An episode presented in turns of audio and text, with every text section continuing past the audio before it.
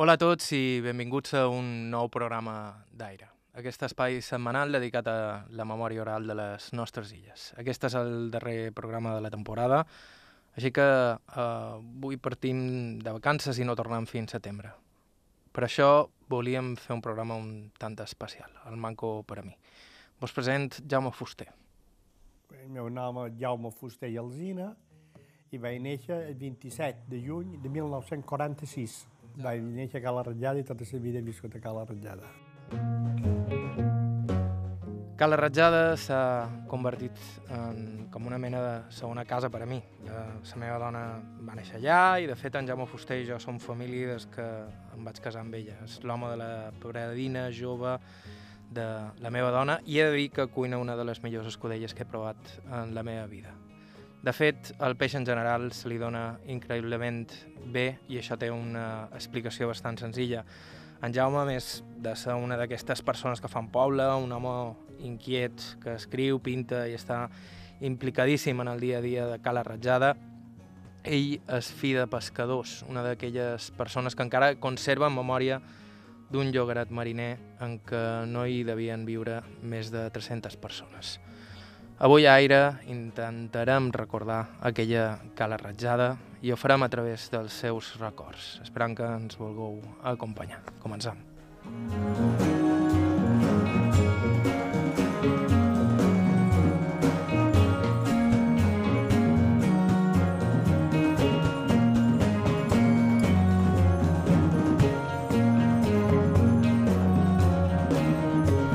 I començam avui el programa a la font de la Cala, a prop de la platja del mateix nom, a Ferrada Cala Rajada. Aquesta és Jaume Fuster i Alzina. La meva família paterna, mon pare, el meu padrí, el meu repadrí, tots han estat pescadors, tots eren gent de la mà. El meu repadrí, que era en Pere Andreu Fuster Fortesa, eh, va ser un dels primers gavellins a Cap de Perín que varen davallar a Cala Ratllada i se varen instal·lar a Cala Ratllada per pescar. No és que ell fos pescador, però tampoc en terra no hi havia, la pagesia tampoc no hi havia molta, molt de guany, i, i a, a Cala Ratllada havien començat a, a venir els estius, estem parlant de principis del segle XX, de, de 15, de 8, 20, començaven els estius a venir pescadors d'altres ports. Clar, era una època en què el desplaçament de les barques no és com avui en dia, motors petits que en tenien a la vela, i clar, el que feien era eh, anar-se'n a pescar o a instal·lar-se en el lloc que estiguessin a prop de les pesqueres. Clar, aquí hi havia bones pesqueres, poc explotades, i començaven a venir els estius pescadors d'altres ports o d'altres zones. Sobretot en van venir de Falanich, van venir d'Alcúdia i de Vall de Mossa. I venien i feien l'estiu aquí, a la platja. Vull dir, estàvem dormint dins la barca i, i, i a vegades en, en el Matzoc i per les platges de per aquí a prop, a fi de tenir les pesqueres a prop. D'aquests primers pescadors que vengueren de, de fora, n'hi va haver que també que començaren a instal·lar-se de, en, en sopars d'estens, a instal·lar-se eh, aquí, entre d'altres coses perquè el que era una gran possessió que se deia eh, Can Climentó, eh, l'amo la va parcel·lar, va començar a fer solars i va començar a vendre solars eh, eh, un sistema eh, de quites, és a dir, que, que es pagaven com una, una, una, una espècie de renda vitalícia a canvi de, de, de quedar-se solar. I un dels primers de Cat de Pere que davallaren per pescar i instal·lar-se a Cala va ser el meu repadrí, Pere Andreu. Pere Andreu Fuster. Quan el seu padrí, el seu repredí, es va instal·lar a Cala Rajada, el poble era ben poca cosa, quatre cases de pescadors i poc més. Eren quatre, quatre casetes, quatre casetes de pescadors. Hi havia ja també algunes cases que començaven a fer d'estiuetjans, sobretot de, de gent d'Artà. Eh, Can Epifanio, que és allà on hi ha el Bar Negresco. Mm. Allà va ser una de les primeres cases d'estiuetjans que va haver, eren d'uns senyors d'Artà, però després van venir eh, eh, altres, altres, eh, que Dani Maria Esteve i que, eh, que Don Rafael Blanes, va, varen començar a fer cases per venir els estius per venir a l'estiu passar les vacances aquí. Això era una classe de cases, evidentment. Després hi havia les casatulls, les casetetes, que varen anar fent els pescadors que començaren a instal·lar-se aquí. Tant gent arribada de fora, de, de, de aquest vell de Mossins, aquest de, de Falanich, com els de, del poble, que va ser gent d'aquest de Pere, que, que davallaren, que davallaren a Cala Ratllada, i ja, per pescar. I el meu repadrí va ser pescador, entre d'altres coses. He sentit contar que era un bon vivant, que ell eh, li agradava més menjar que fer feina, però va tenir un bar allà on, en el costat de Can Maia, el restaurant, que hi havia una botiga antes. Allà hi va haver allà hi va, haver, allà hi va tenir un bar, és, és, però no guanyava per lo que menjava ell. I després el meu padrí també va ser pescador, el meu pare va ser pescador i jo vaig rompre, vaig rompre la tradició, entre altres coses, perquè mon pare, mon pare que va guiar molt les meves, les meves passes de, de jove va, va trobar que això de que era massa, massa sacrificat i que era seca i que, que havia de tenir una vida millor. Ell no es dedicaria a la pesca com la resta de la, la seva família, però començaria a fer feina des de ben prest. Primer de mossat de barber i després de secretari a la central. Tot això abans de fer 16 anys, quan va fer el servei militar. Del lot eh, vaig fer, com tots lot, fèiem intents d'aprenentatge de, de qualque ofici, perquè anàvem a escola fins als 13 anys. Com a molt fèiem una cosa que llavors se deia batxiller elemental, que anàvem a examinar Mos a l'Institut Ramon Llull, a Palma, ens matriculàvem per lliure i després cada any anàvem per juny a examinar Mos en l'institut. I això era el màxim d'aspiració, diguem, acadèmica que, que teníem. I, i mentre anys intentàvem aprendre algun ofici. Jo vaig començar de mosso de barber i hi havia una barberia allà on és el restaurant Cap Maia, i ella va començar... Bé, les primeres feines era, que vaig aprendre va ser granar, i fer pintes netes, i fer les màquines de test que veien netes, i, i després vaig començar a fer saboneres en els homes que s'havien d'afeitar, jo feia la sabonera i, i el barber els afeitava. I quan ho vaig deixar, ja feia un parell d'anys que hi anava, ja començava a donar segones passades, és a dir, ja començava a afeitar un poquet, eh, barbes fluixetes i després que el barber ja els hagués donat una passada jo començava... Eh, però ho vaig... No, I no he, no he arribat a saber bé mai perquè per, ja m'agradava, ja. I, i me'n vaig anar a la central. Allà era un complex que hi havia. La fàbrica de llum del poble, la fàbrica de gel, el taller mecànic de les barques i una fusteria serradora, tot, tot. Era diguem, el gran complex industrial de, de la cala ratllada d'aquella època, i me'n vaig anar, quan vaig acabar l'escola, deixar la barberia, me'n vaig anar allà, diguem, fer, fer feina a l'oficina.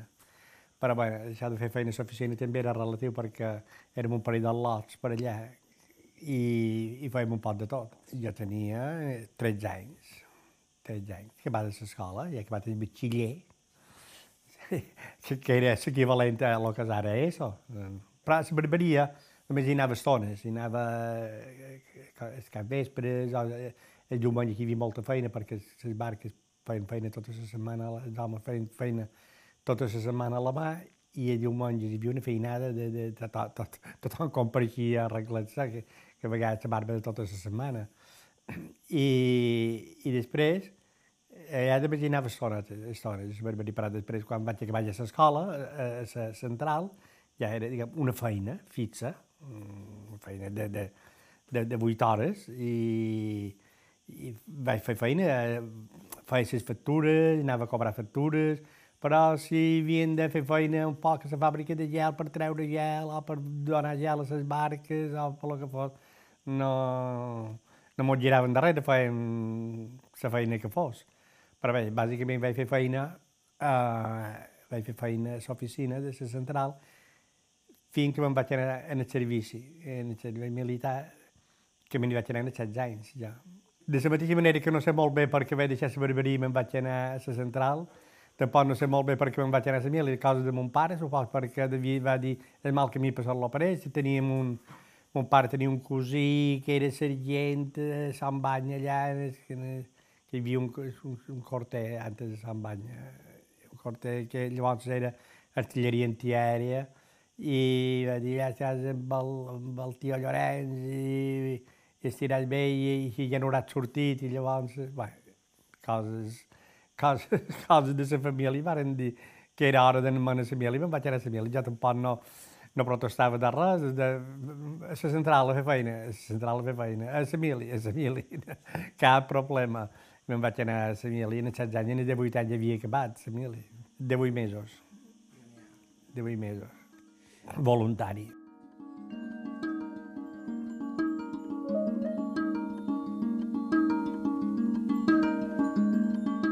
Malgrat ell no s'hi dediqués directament, Jaume Fuster coneix bé la vida marinera, recordant que la seva família hi ha diverses generacions de pescadors, una vida sacrificada que son pare no va voler pel seu fill.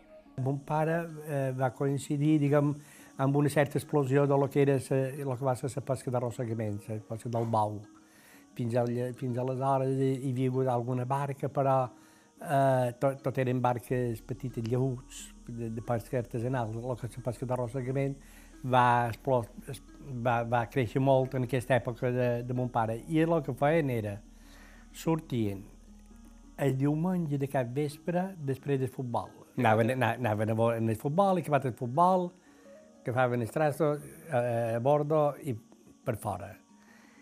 I entraven cada vespre a les 3 de, de la matinada, descarregaven el peix perquè el camió s'endugués el peix a Palma, ells embarcaven caixons, embarcaven gel, embarcaven ormotjos, si havien fet, sempre feien trossos, en aquell temps sempre feien trossos, no hi havia tant el, el sistema de pesca que hi ha avui en dia, i, i, i sempre hi havia bous, xerxes que descarregar i descarregar i carregar-ne d'arreglades, i bé, això però era una operació que se feia a de matinal a les 3 de matí i durava una hora. I per fora altra vegada, i estàvem tota la setmana a la mà. Feien de, de, de diumenge de cap vespre fins a el diumenge a les 3 de matí, estàvem sempre a la mà, si era bon temps, eh? I a vegades, si pescaven per Menorca, a vegades qualque, a vegades quedaven dos dies per allà, si no, si no pagava, si no haguéssim carregat, diguem, la gelera, eh, a vegades estàvem dos dies sense, sense venir i, i donaven en la nit, pintura, a vegades, o de dia, més ben dit, de, descansaven un parell d'hores per, per, per passar reset de qualque platja de per allà i, i feien la vida a la mà. La setmana, si era bon temps, allà mon pare no el veia de, de, de, de tota la setmana. El diumenge, de les 3 de matí, que venia, s'anava a lleure, evidentment, fins a després del futbol, vull dir que parell d'hores eren les hores que estava... Que estava... Es veure que en l'hivern hi havia molt de dies de mal temps i era que nostra. I jo vaig fer molta vida amb mon pare, anar, anar, anar, anar per la muntanya i cercar els sangs i cercar llenya i cercar el que fos. Perquè cercàvem el que fos. Però en l'hivern sí, però en l'estiu, en l'estiu, si era bon temps, no el veia de tota la setmana.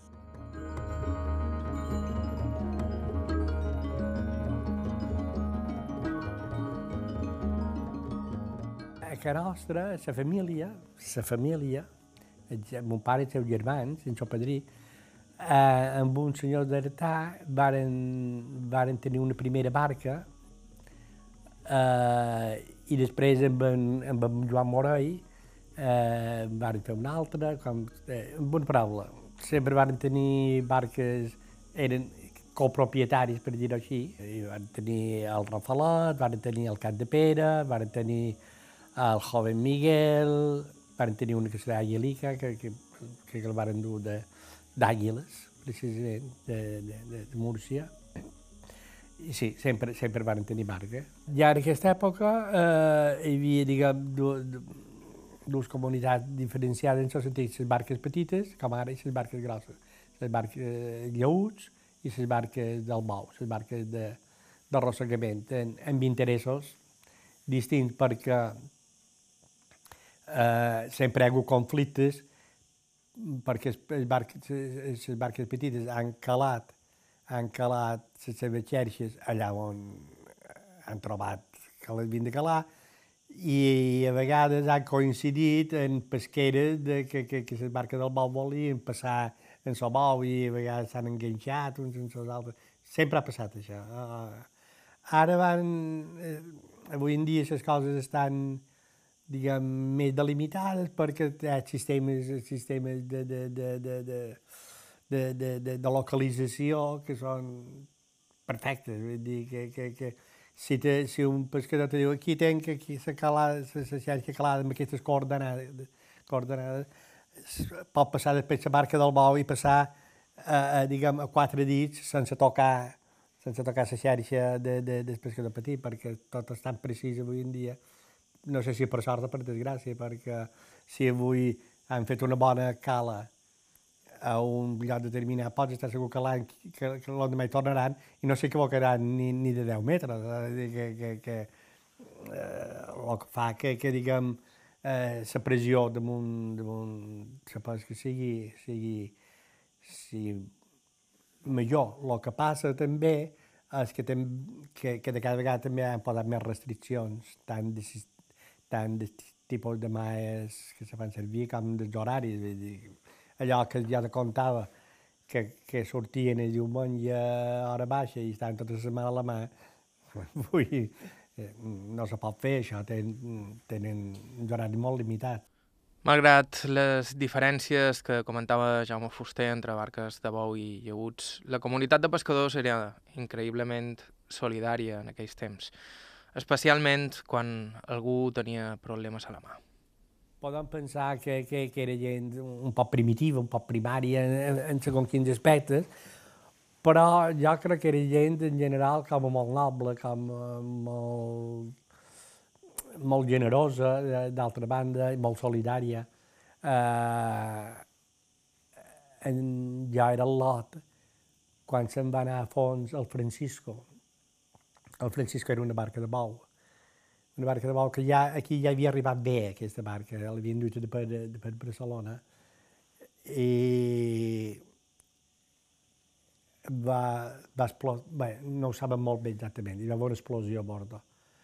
Però llavors, en aquella època, aquell, motor, aquell motorot d'un pistó o de, dos pistons, com a molt, els volums aquells, per poder-los en marxa necessitaven una bombona d'oxigen i diuen si va explotar la bombona d'oxigen. Després hi ha una altra versió que diu si, si hi havia algun artefacte, alguna mina alguna cosa que hagués perdut un vaixell francès perquè era l'època de la guerra d'Alger, de, de, de la independència d'Alger, i que hagués pegat... Eh, bé, el fet és que aquella barca en, en poc minuts se'n va anar a fons. I mon pare, que estava a prop, en la seva barca, va veure la bengala senyals, va tear els cables d'arrossegament, va, va mullar tot, tot, tot quan duen per la popa, i bou, maetes, cable, ho va tear i se anar, i els va, els va, els va poder rescatar tots, a tots, tots els tripulants del Francisco. No ho dic, no ho dic en això perquè fos un, un gest heroic ni molt manco, però no hi va pensar gens en sota, en sota deixar diguem, i valia molt del bé tot allà. Després van, crec que ho van arribar a recuperar, però eh, no hi va pensar dos minuts, de, de tear tot el que duia per la i s'han escapat cap, cap, cap... Bé, però aquest, aquest, aquest esperit, diguem, solidari, de, mm, crec que, que està molt arrelat entre, entre la gent, la gent de la mà. I si, si, si se podien donar una mà, se la donaven, si, si es podien ajudar, s'ajudaven.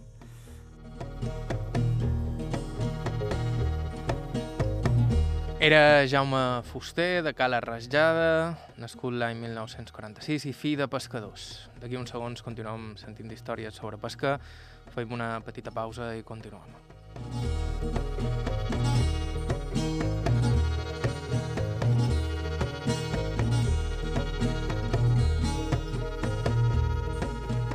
Aire, Joan Cabot. IB3 Ràdio.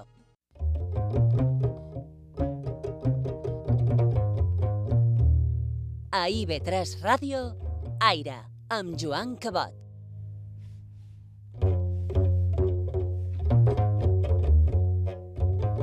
Hola de nou, estàu escoltant Aire i Vetres Ràdio. Avui som a Cala Rajada, conversant amb Jaume Fuster, algú prou conegut en el poble. Provinent d'una família de pescadors, durant un temps secretari de la confraria, precisament de pescadors de Cala Rajada, i algú que sempre ha estat lligat d'una manera o altra a la pesca. Fa uns segons el sentíem parlar de com eren aquells pescadors d'un temps de la generació de son pare en una Cala Rajada encara verge, on es treia moltíssim de peix. Tot era verge, tot era verge. Uh, mon pare, jo no me'n record, però me compte que feien que a vegades tenien la gelera plena de peix i la llonja de palma estava un poc embafada i agafaven, s'anaven en la barca a Barcelona, a descarregar a Barcelona per, per, perquè no sabia quasi, quasi ni que havien de fer peix. I quan varen descobrir, quan varen començar a pescar la gamba, que això ja va ser en els anys 50 llargs, uh, feien pescades de, de 50 i 60 caixons de gamba, animalades, barbaritat de, de, de, de, de, de gamba. Nosaltres arribàrem a anar embafats de menjar gamba perquè, eh, a part, a part de, diguem, de sou, de, de, dels pescadors, sempre és tradició que s'enduguin un ranxo un, de peix per, per menjar a casa seva. Un pot de morrall, un pot de gerret, de lo que sigui. Bé, ja, quan van començar a pescar la gamba, s'enduen gamba, perquè es vini, que vini a fer la gamba. I, i agafaven allò, animalades.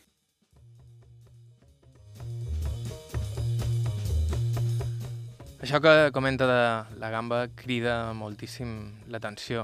En Jaume ens parla d'un temps en què ningú sabia què era això de la gamba. Al cap i a la fi es pesca una profunditat a la que s'ha accedit en temps relativament recents.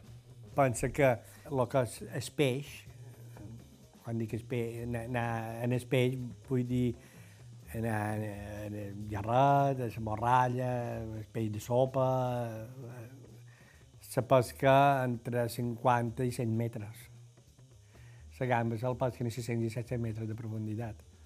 Hi havia motor, no, no, hi havia, pensa que duen 2.000 metres de cable per banda, 4.000 metres de, de, de cable, i es feixuca aquest cable. Vull dir, just, just arrossegar el cable i el bou i les portes, eh, fins que no, eh, diguem, la tecnologia no va, tant la potència del motor com la capacitat de les barques no va augmentar, era impensable anar a la gamba. Que, que no, haurien amollat i haurien quedat allà aturats, no haurien tingut força ni per fer avant. I, i llavors, ja quan, quan els motors augmentaren de, de potència i les barques foren un poc més grosses, llavors, que tampoc no sabien ni que existís. Van, van ser els oceanògrafs els que van detectar la possibilitat que que de, de, de pescar a profunditats més grosses i perquè sabien que sí, que realment hi havia, hi havia marís i entre, entre la pesquera d'espell, entre aquests 100 metres i la gamba, eh, la fonera, que és una, una profunditat intermitja que, que s'hi agafa lluç, s'hi agafa maires, maires s'hi agafen car carmelans, els camerlans, eh, que, que també és, és productiu, però eh, gamba, fins que no hi va fins que no varen millorar molt els motors, que no varen millorar molt les tonelatges de les barques, no, no, no, no se va poder pescar. Que de tot d'una també, no te dir, que costava un poc vendre-la, perquè tampoc la gent no, no, no, no, no l'acabava de conèixer. Eh, no, i no és com ara, vull dir, tampoc no duien de congelat, encara no hi havia congelats en aquesta època. Jo me'n record, ja, perquè des, després de la mil ja me vaig posar a Palma eh, a dur-hi el peix de, de, de nostre. I me'n record, el primer any que per, Nadal, per, per les festes de Nadal varen fer la gamba grossa, la més grossa, 50 pessetes el quilo. Va ser, en varen parlar, varen parlar una temporada llarga, no, no. Que, ai, on arribarem, creixia que, que hi havia... I, 50 pessetes el quilo, te dic, te dic, me'n record perfectament jo d'això, perquè jo ja anava a Palma en sa, en sa pell en aquesta època però no, no era fàcil tampoc, eh, perquè en agafaven molta i, i començaren a pescar aquí, però després també començaren a pescar per tot, començaren a pescar a Menorca, començaren a pescar a pes pesqueres de Formentor, començaren a pescar a Escolla i clar... Eh... Amb en Jaume Fuster no només parlam de la vida a la mà, també de com era la vida a la terra, en aquella cala rajada que era un llogaret amb poquíssims habitants. Cala Rajada, penso que quan jo anava a escola tenia 300, entre 300 i 400 habitants, 350 habitants, una cosa així. Tots mos coneixíem, no diré que tot fos una família, però eh, les cases estaven obertes, vull dir, de pinta ample, no, no, ni, ni, ningú, ningú rodava clau, no sé que s'hagués d'anar Palma en el metge, no, les cases sempre estaven obertes. Eh, eh, tu entrar, arribaves a una casa, obries, bon dia, què que hi sou? I si te contestaven, entraves, i si no, giraves qualcosa, però hi havia, diguem, un ambient de, de molt, molt familiar, perquè eren tan poca gent que tots, tot, tot molts coneixien, tothom sabia cadascú de quin peu se calçava era molt poble allò, era un... Eh, bé, és que, és que era un pobletxo, és que, és que era un llogaret, Cal la Ratllà era un llogaret en aquesta època. I els al·lots, més que més, anàvem a l'escola unitària que hi havia a damunt de bones al restaurant El Cactus. Allò era l'escola. Les nines quedaven, quan, quan combregàvem, quan fèiem la primera comunió, les nines quedaven a cases monges, perquè de petits, quan, fins que combregaven, tots anàvem a cases monges apreníem, començàvem a aprendre a llegir, a escriure, i, i quan combregaven les nines, les grans, quedaven a cases monges, i en nins passàvem a l'escola unitària. I a l'escola unitària érem entre 25 i 30, tots els nins del poble. Tots els nins del poble érem 25 i 30. Però allà hi havia els que havien acabat de fer la primera comunió, que tenien 7 anys, fins a els que fins als 13 anys, que era quan acabaven a 14 que era quan acabaven el període escolar, vull dir, estaven tot, tot, plegat, tot plegats, vull dir que els al·lots després sortien d'escola i com anàvem a jugar plegats. Eh, des de 13 anys, de 12, de 7, de 9 i d'11. Bé, que, que, bé, en una vintena o 25 al·lots tampoc no hi havia per fer molt, moltes, moltes pandilles. I clar, tot això creava un, un cert lligams eh, molt, molt entranyables, molt familiars. Eh, tot, tot, tots eren tots. Tenien la mà just davant. I en el, el bany, per dir per dir-li, per donar-li un nom, de l'escola no tenia, no tenia cisterna. I si vindran el bany, agafàvem un poval, anàvem a la mà, duíem un poval d'aigua i després tiràvem el poval d'aigua de, de, de la mà. Però és que pensa que allà on és el club nàutic hi havia, hi havia una platja i a l'altre costat, allà on hi aquella marina seca que hi ha, que les barques estretes, allà on fan les mostres de llampuga, era una altra platja. Hi havia dues platges. Havia Sillet, aquella ermita el restaurant Cap Maia i aquell, aquell, aquell parell de casa, allò estava talment com estava estar. Hi havia la platgeta petita i la platgeta gran. La platgeta gran hi anàvem poc perquè hi traien les barques, els llebuts, sempre estava ple de llebuts i nedàvem a l'altra platja, la platgeta petita que dèiem, que era la que estava allà on és el club nàutic, hi havia una platja, allà, allà era. En l'estiu feien la vida allà en remull, a la mà. Nosaltres vivíem allà, allà on hem viscut tota la vida, just davant, de vora la plaça, i a hora de dinar ma mare goitava, Jaume, vinga, per amunt, i jo pujava a dinar, i, però a, a, a, a la platja on el moll, allà sobretot en l'estiu, i, i en el moll també ajudàvem el que podíem a, ja que sé, a, a fer caixonets, de, de, de, perquè els caixons llavors eren caixons de fusta, de, de, a la que fos, a, pel moll, eh, bé, per passar el temps tampoc no sabia molt bé, molt més què fer.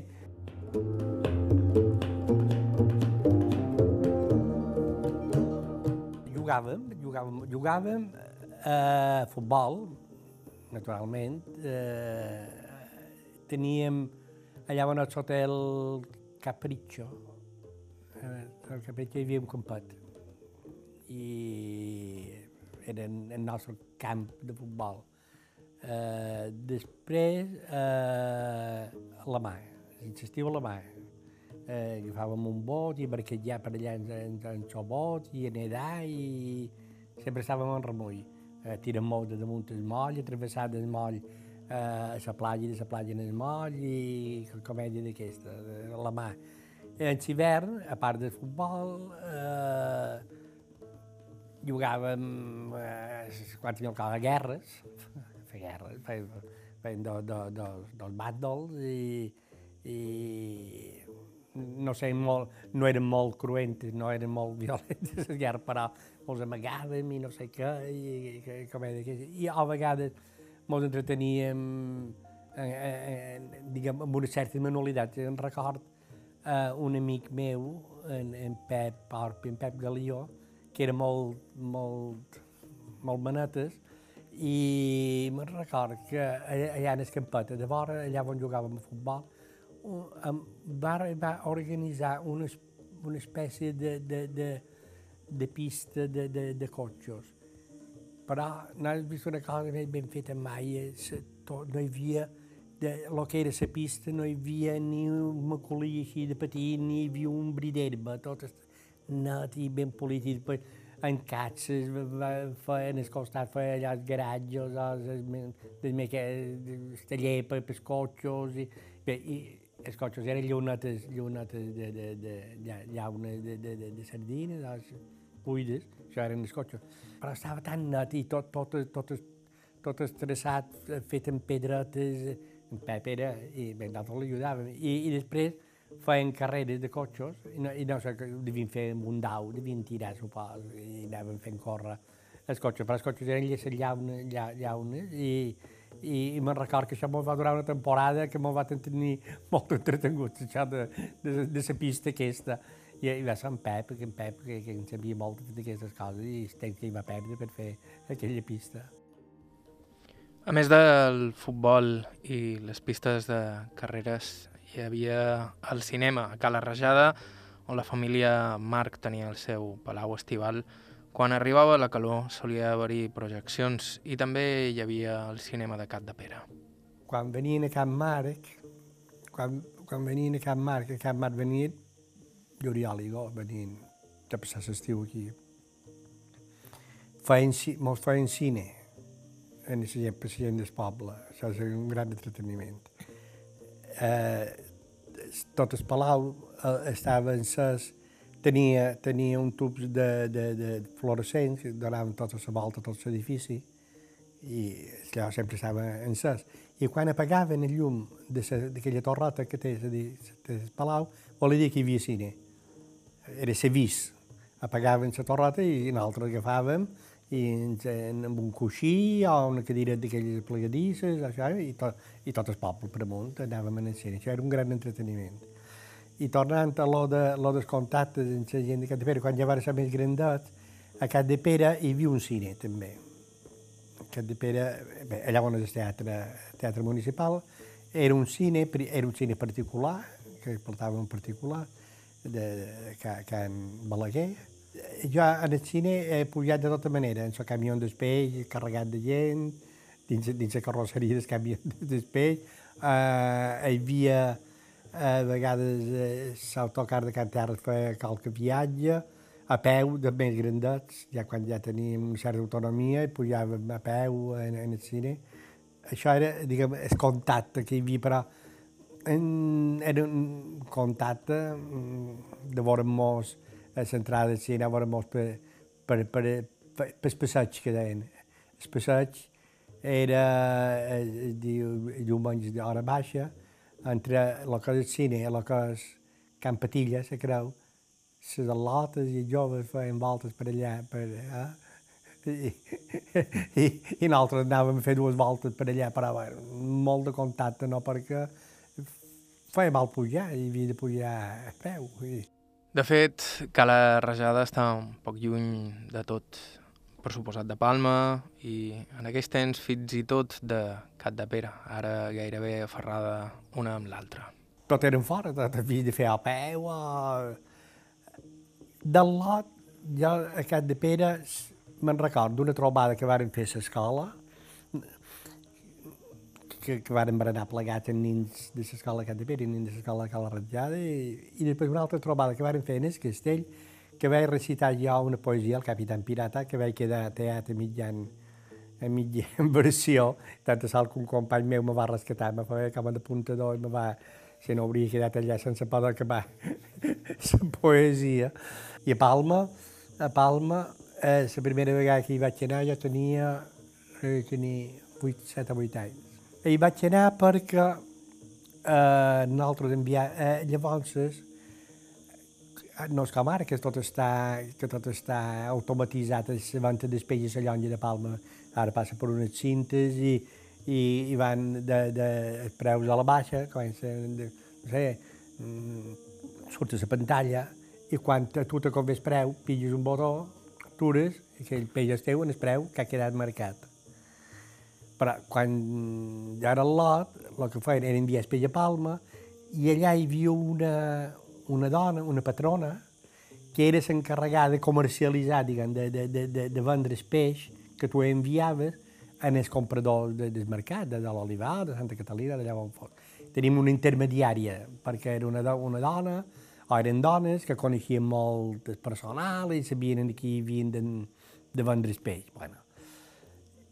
Aleshores, eh, jo vaig anar a Palma perquè la nostra patrona, la que se'n cuidava de vendre el peix nostre, eh, tenia un lot de la meva edat i vaig anar a passar no sé, 4 o 5 dies allà, que sé bé, les coses que vaig tenir per comptar ja quan vaig, quan vaig tornar perquè era una excepció, vull dir, d'altres del no se m'havien de que seva, ni jo tampoc, va ser, no sé, va ser que, que la patrona va dir, ai, perquè en Jaume no ve, passar, serà un parell de dies amb el pep nostre, i, bé, i, i així ho vaig fer durant, no sé, tres o quatre estius, i vaig, va, eh, m'anava a passar una setmana a Palma, a, a, a, a llavors a plaça de, de les Drassanes. Per jo Palma era la plaça de Drassanes, carrer de, el carrer de Sant Llorenç i eh, fins a l'església de, de, de, de, de, de Santa Creu.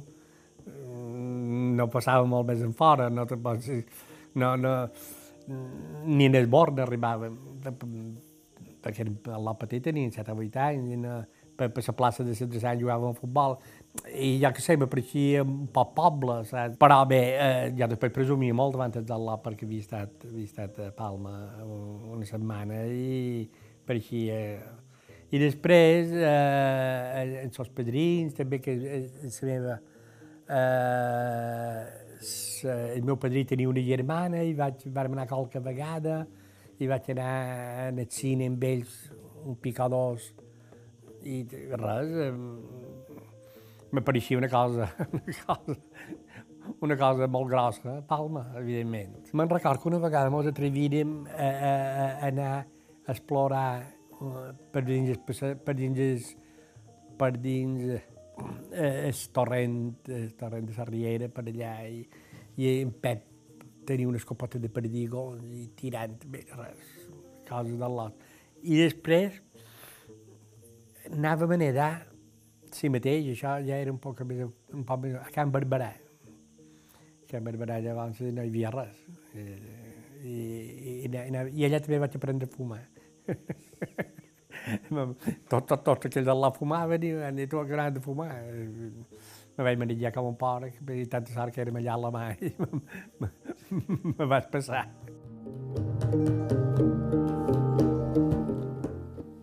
Estau escoltant Aire i nosaltres estàvem escoltant Jaume Fuster i Alzina. Fem una pausa i continuem amb ell.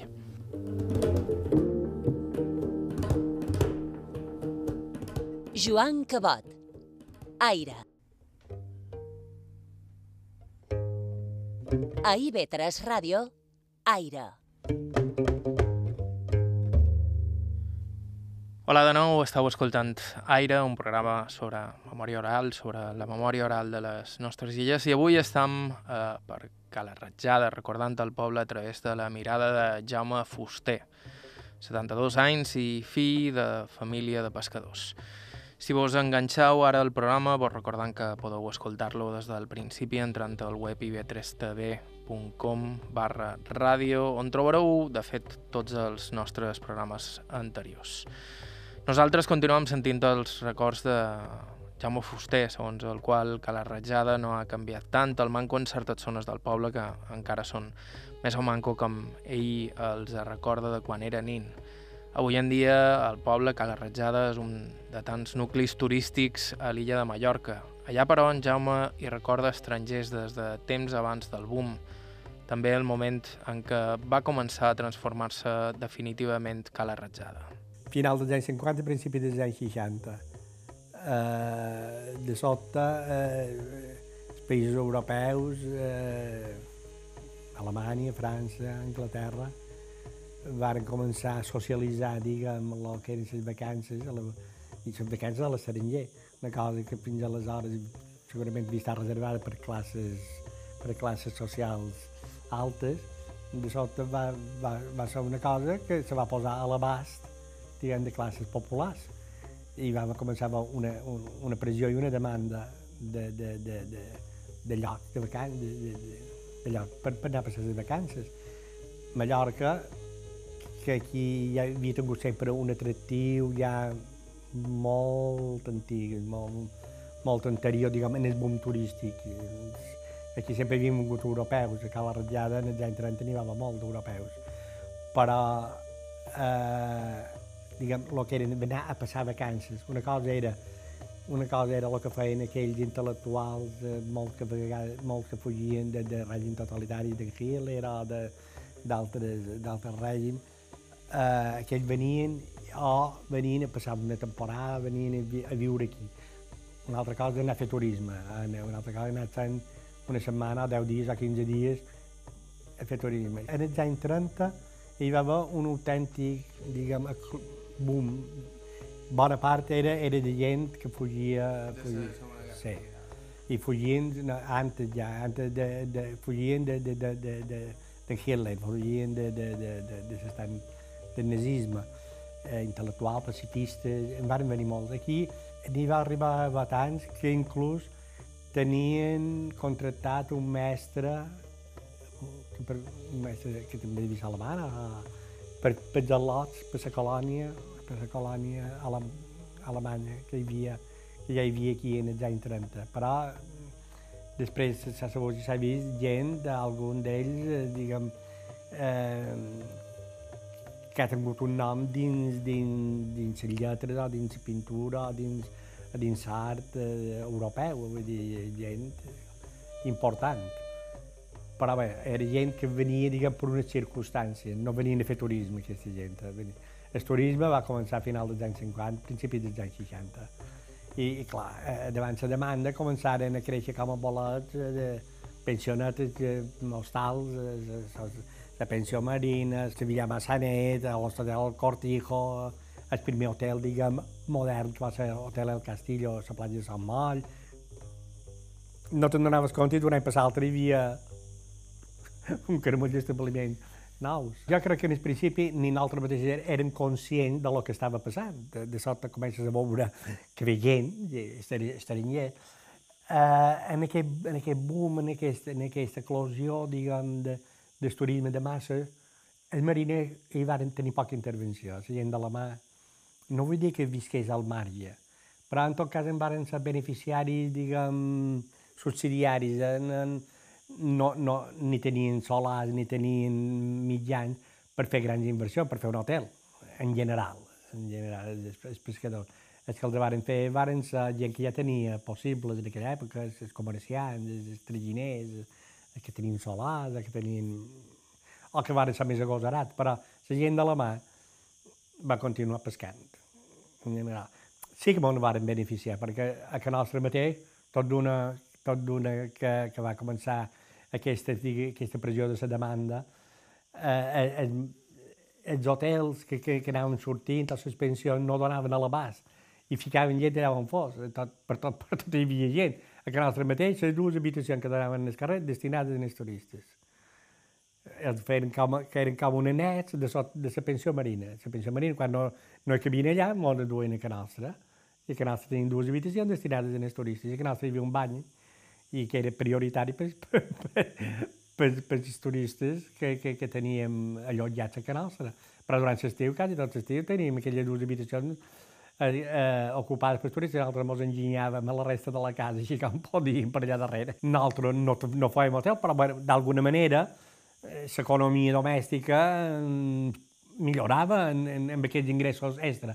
Inclús en els baixos de casa nostra també fort viure de pus i, i va, hi havia sa, hi havia l'agència de viatges Ultramar Express i s'altre costat una, una botiga de souvenirs que es deia Brissats de l'Aisla, llogadetes i clar, tot això eren ingressos que fins llavors no, no, no, no havien tingut, tot això te donava una possibilitat de sortir, diguem, d'una economia de subsistència a una economia de pots, un parc pots comprar una lambreta, una, una moto. Aquells eren els anys de la innocència i de la pèrdua de la, la innocència.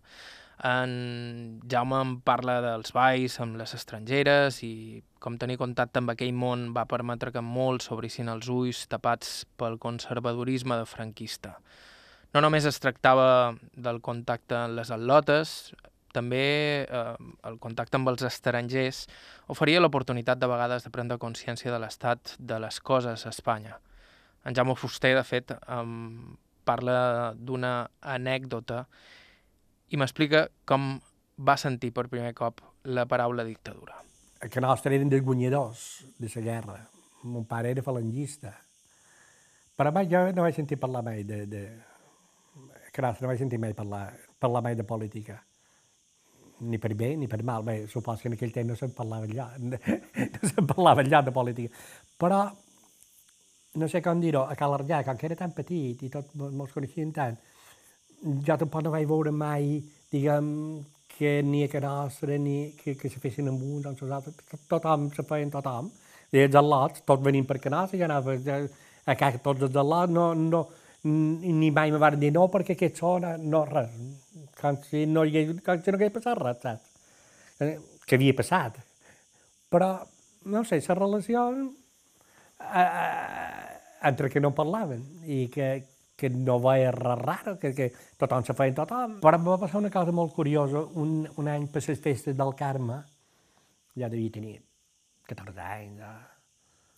varen sortir en la barca, en les festes del Carme, hi havia un matrimoni que vaig veure que eren francesos, perquè xerraven francès. Jo era l'idioma estranger que, que, que havia estudiat per, per el batxiller, el batxiller, el batxiller elemental aquell, i a mi anava a classes particulars a una dona de Cap de Pere. I el francès era, diguem, la meva llengua estrangera de l'època. I vaig veure aquell matrimoni, i vaig veure que eren francesos, i amb un al·lot, i, i, i l'al·lot estava per allà, i, i jo, per presumir de, del meu francès, no sé què li vaig dir, bonjour, uh, i me posàrem a xerrar, entre cometes, eh, fent un bonific d'esforç per les dues parts. I de sobte aquell home diu Espanya és una dictadura i, i no hi ha llibertat. Però així, una cosa, una, cosa així. I jo saps que vaig quedar miteat. Vaig dir, que, tu què dius? Que, que, que me contes tu ara? Però saps, saps allò, què, què estàs pensant? Una dictadura. Que no, no vaig saber tampoc molt bé què significava que, que era una dictadura però me va deixar, me va deixar un poc eh, eh surant. I vaig pensar molt, molt de temps, inclús me vaig, me vaig cercar a, veure que volia dir una dictadura i tot això. Però bé, tampoc no em vaig fer molt més cas, els anys passaren. Però en els anys 70, en Franco encara era viu, vaig rebre una influència molt, que va ser molt decisiva, va ser la d'en Climent Grau, Climent Grau Arbona, que va ser president de l'Obra Cultural Balear en Climent tenien una casa a Calagat i mos veia, mos coneixia bé. Son pare ja havia estat ja, ja, molt amic de mon pare I amb en Climent, eh, en Climent va començar, ja, com que tenia eh, casa de Cal Gat i qualque vegada, eh, com que havien estat amics de mon pare i tot això, i, havia, i anàvem per casa seva, i un dia va començar a parlar de política, i va començar a parlar que havien d'estar preparats perquè en Franco, en Franco tenia ja en contacts i que, i que i va començar a parlar d'autonomia, i va començar a parlar de nacionalisme, i va començar a parlar d'aquestes coses. I ja me varen, diguem, decantar cap a, cap a un, un vessant polític que, que, que era, sí, de, de, de caire nacionalista, per dir-li per dir així. De, de fet, sempre he militat en partits d'aquesta... fa més 30 anys que, que estic afiliat a un partit i, i, i ja no tinc ganes de canviar tampoc.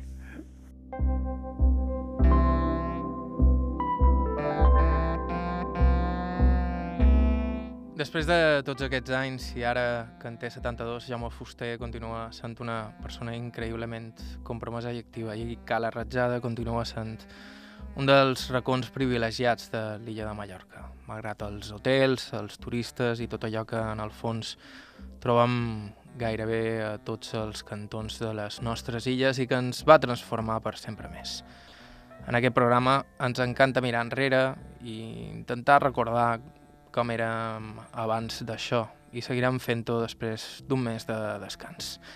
Tornem al setembre amb nous programes d'aire, de mentre podeu escoltar programes anteriors o aquest mateix des de l'inici a Apple Podcast i serveis similars o la ràdio, la carta a ib3tv.com barra ràdio. Bàrbara Ferrer i Margalida Mateu s'encarreguen de la producció, les entrevistes les enregistram amb l'assistència de Jordi Pol, Miqui Fiola, la producció tècnica, us ha parlat Joan Cabot fins setembre. Adeu. Wow.